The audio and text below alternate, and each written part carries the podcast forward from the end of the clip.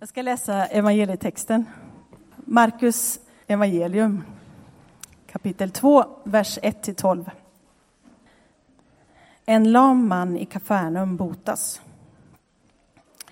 Några dagar senare kom han tillbaka till Kafarnaum och det blev känt att han var hemma.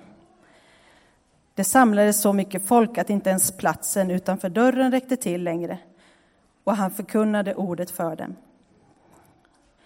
Då kom det dit med en lam som bars av fyra män. Eftersom de inte kunde komma fram till Jesus i trängseln bröt de upp taket ovanför honom och firade ner bädden med den lame genom öppningen. När Jesus såg deras tro sa han till den lame Mitt barn, dina synder är förlåtna. Nu satt det några skriftlärda och de tänkte för sig själva Hur kan han tala så? Han härdar ju. Vem kan förlåta synder utom Gud? Och Jesus förstod i sin ande vad de tänkte och sa till dem. Hur kan ni tänka så i era hjärtan? Vilket är lättast, att säga till den dame, dina synder är förlåtna, eller att säga, stig upp, ta din bädd och gå. Men för att ni ska veta att Människosonen har makt att förlåta synder här på jorden, säger jag dig, och nu talar han till den lame. Stig upp, ta din bädd och gå hem. Och mannen steg upp, tog genast sin bädd och gick ut i allas åsyn, så att de häpnade och prisade Gud och sa, aldrig har vi sett något sådant. Så lyder det hela, heliga evangeliet. Lovad vare du, Kristus. Den evangelietexten som vi hörde läsas här alldeles nyss, den ska vi titta lite närmare på. Och den handlar om någonting väldigt spännande. Den handlar om hur det till synes omöjliga ändå blir möjligt. Och vi läser i texten om hur något förundligt händer i den här lilla staden, i det här lilla huset i Kapernaum, någonstans vid norra delen av Genesarets sjö. En man får hela sitt liv förvandlat. Och det är en berättelse om hur några personers tro får stora konsekvenser. Och hela, jag tycker det är lite härligt, hela det textavsnittet som vi hörde läsas, det slutar med att folk häpnar och säger aldrig har vi sett något sådant. Och sen tar vår text slut. Punkt. Så temat för den här söndagen är trons kraft. Och det handlar om trons verkan i en människas liv och hur den här verkan kan påverka faktiska omständigheter i den här världen. Den grejen, den stora grejen är ju att Gud älskar den här världen. Han har sitt hjärta i den här världen. Han har sitt hjärta där nöden är som störst. Ibland sjunger vi här i Saron. Så sjunger vi För den här världens skull. sjunger vi. Och den sången kan man inte sjunga med mindre än att kärleken driver oss ut i den här världen. Ut i den här världens alla behov. Hur känner man igen tro? Jo, det gör man genom att människor som då lever i tro gör saker. Händer ingenting i en församling så har inte den här sångstrofen som jag nämnde alldeles nyss, då har den inte landat i fötterna.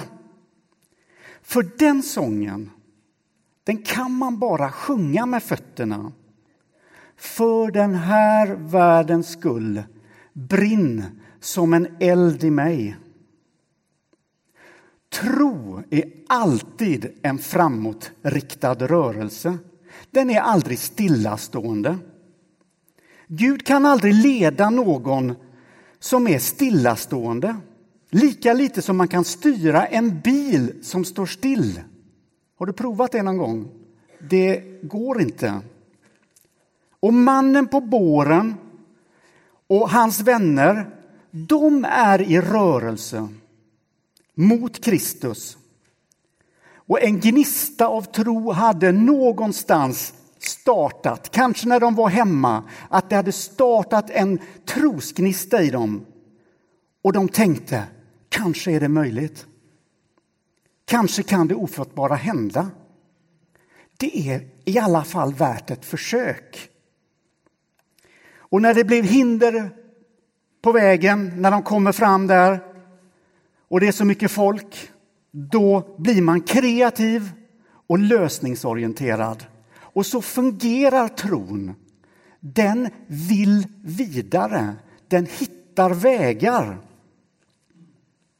Och man måste ju säga att de här personerna i den här bibelberättelsen är påhittiga och kreativa. För deras tro, den stannade inte vid hindren. Man sa inte, åh, här var det så mycket folk så det är nog bäst att vi går hem. Det är så mänskligt att tänka så. Det är så mänskligt när vi möter hinder i våra liv att vi tänker på det viset. Nej, det är nog ingen idé. Det är nog bäst vi går hem. Vad är det för mekanismer i oss som bromsar oss på det viset? Som får oss att inte våga, inte göra och inte fullfölja. Hur ser den inre dialogen ut?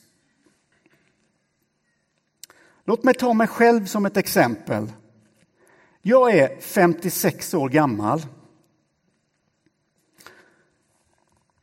Då borde man väl som kristen och dessutom som pastor vara den som inte bromsar. Då borde man väl vara den som vågar och den som fullföljer. Det kan man tycka. Men min utmaning har varit från dag ett att jobba med att tron ska landa i mina fötter. Det är, för mig är det ingenting. Ja, men jag har, ungefär som jag har tagit en kurs på universitetet och sen har jag det, pappret på det här. Varje dag får jag jobba med detta. Att tron ska bli verklig i mina rörelser, i mitt liv. Jag vill inte säga nej, det är nog ingen idé. Vi får helt enkelt gå hem. Men hos mig pågår det en inre argumentation mot att komma i rörelse. Ständigt. Kanske känner du igen dig i det. Och ett av mina argument, det är så här. Är det inte ändå rätt skönt att ha ett bekvämt liv, Jonas? Krångla inte till det. Ett annat argument som argumenterar i mitt inre det är när svartsynen sätter in. Då argumenteras det så här. Nja, det kommer säkert ändå aldrig funka. Jag har sett det förut. Det blir inte så mycket. Och Det tredje argumentet, och det här är det lurigaste argumentet i mitt liv och det farligaste argumentet. Jonas, du måste väl ändå ha tillräckligt på fötterna innan du går? Det är det luriga argumentet. Det här argumentet har hindrat tusentals människor från att leva i Guds kraft. Nej, du kanske inte kan överblicka hela vägen. Du kanske inte kan förutse vad du kommer att möta. Men ett kan jag säga dig. När du börjar gå så kommer Jesus gå med dig och vara nära dig. Och han kommer att ge dig det du behöver när du börjar gå. Ta de här mina inre argument som... Tänk så här, jag vill inte att de argumenten ska få vara det som bestämmer i mitt liv. För vad som är möjligt och inte möjligt. Ni får gärna ta mig som ett varnande exempel. Det är helt okej. Okay. Så när du, precis som de här eh, personerna i, i bibelberättelsen, gör det som är nästan nästintill omöjligt, va? då gör du det som den personen du, du är. Ja, det är också en sak det här, kan jag säga. Det är ju nästan ett argument till. Det är det där att äh, jag är inte en sån människa. Det skulle jag också kunna skriva in där, som gör si och så. Men när Gud kallar en människa att gå och leva i ett trosliv så är det genom de färgerna du har i din personlighet. Den personlighetstypen du är med dina egenskaper, det är inget annat. Du ska inte bli någon annan.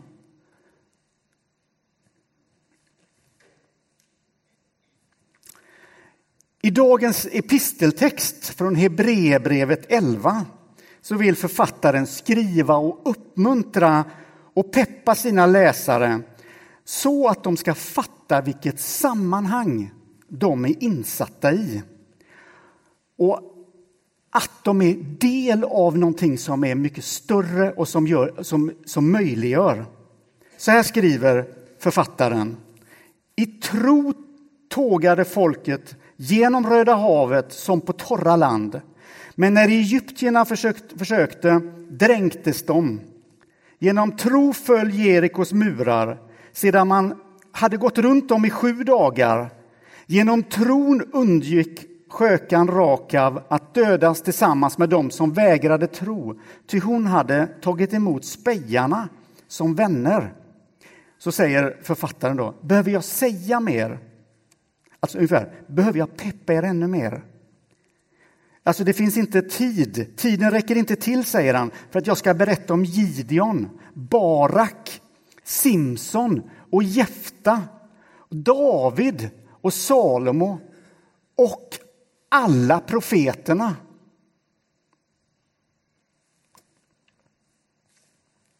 Att vara kristen, det är att börja umgås med ett annorlunda tänk där man i viss mening upphäver skillnaden mellan det naturliga och det övernaturliga. Mellan det himmelska och det jordiska. Mellan det som är möjligt och det som är omöjligt.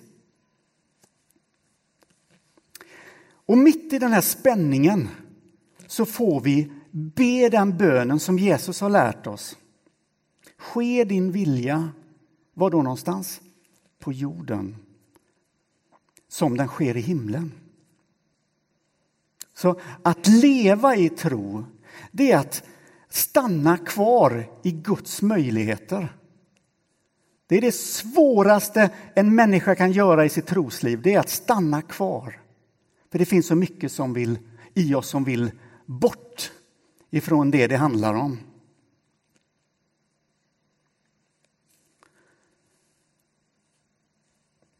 Säg till Gud i din dagliga övning, när du stiger upp på morgonen eller när du går och lägger dig eller när du nu ber.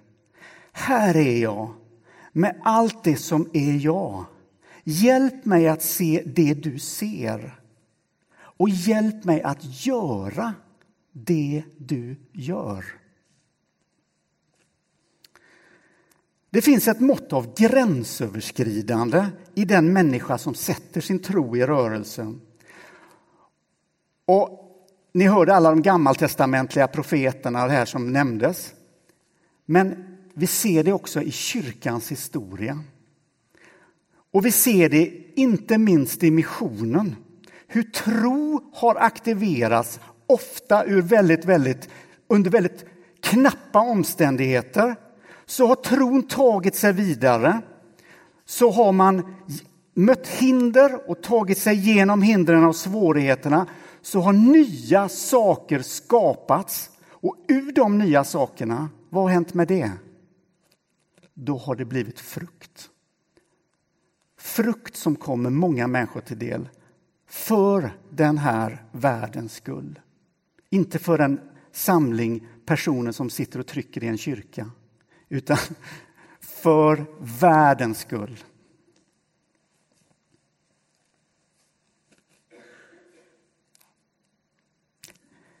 Lyssna på detta. En kyrka, när den är som allra bäst gör egentligen det som de här fyra vännerna gör i bibelberättelsen. Man tar behovet, vilket det än må vara, man lägger det på en bår och man sätter behovet i kontakt med Jesus Kristus. Och behoven, mina vänner, är stora i den här världen. Och den här världen behöver kärleksfulla människor, modiga människor. Men jag måste säga det också, gränsöverskridande människor. Jesus han gjorde den här mannen frisk. Han fick sina synder förlåtna. Han fick påbörja ett nytt liv. Sådan är han, Jesus. Det är aldrig svårt att komma nära honom. Eller det är svårt, ska jag säga, att komma nära honom utan att en positiv förändring sker. Jesus kan göra det trasiga helt. Det visar den här bibelberättelsen. Han kan förvandla omständigheter och skapa nya förutsättningar även där du kanske känner att ja, men det finns ju ingenting att skapa av. Det är ju bara aska här. Han kan skapa nya förutsättningar, till och med ur aska. Ta till dig det, du som kämpar.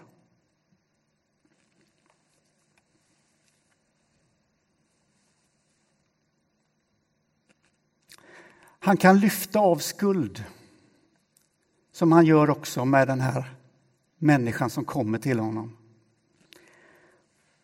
I sin barmhärtighet. Men han stannar också kvar med sin närvaro i det som inte går att förändra på den här sidan evigheten. Där stannar hans närvaro kvar. Stannar kvar i det som är bottenlöst. Det som är världens bottenlösa nöd. Där är han.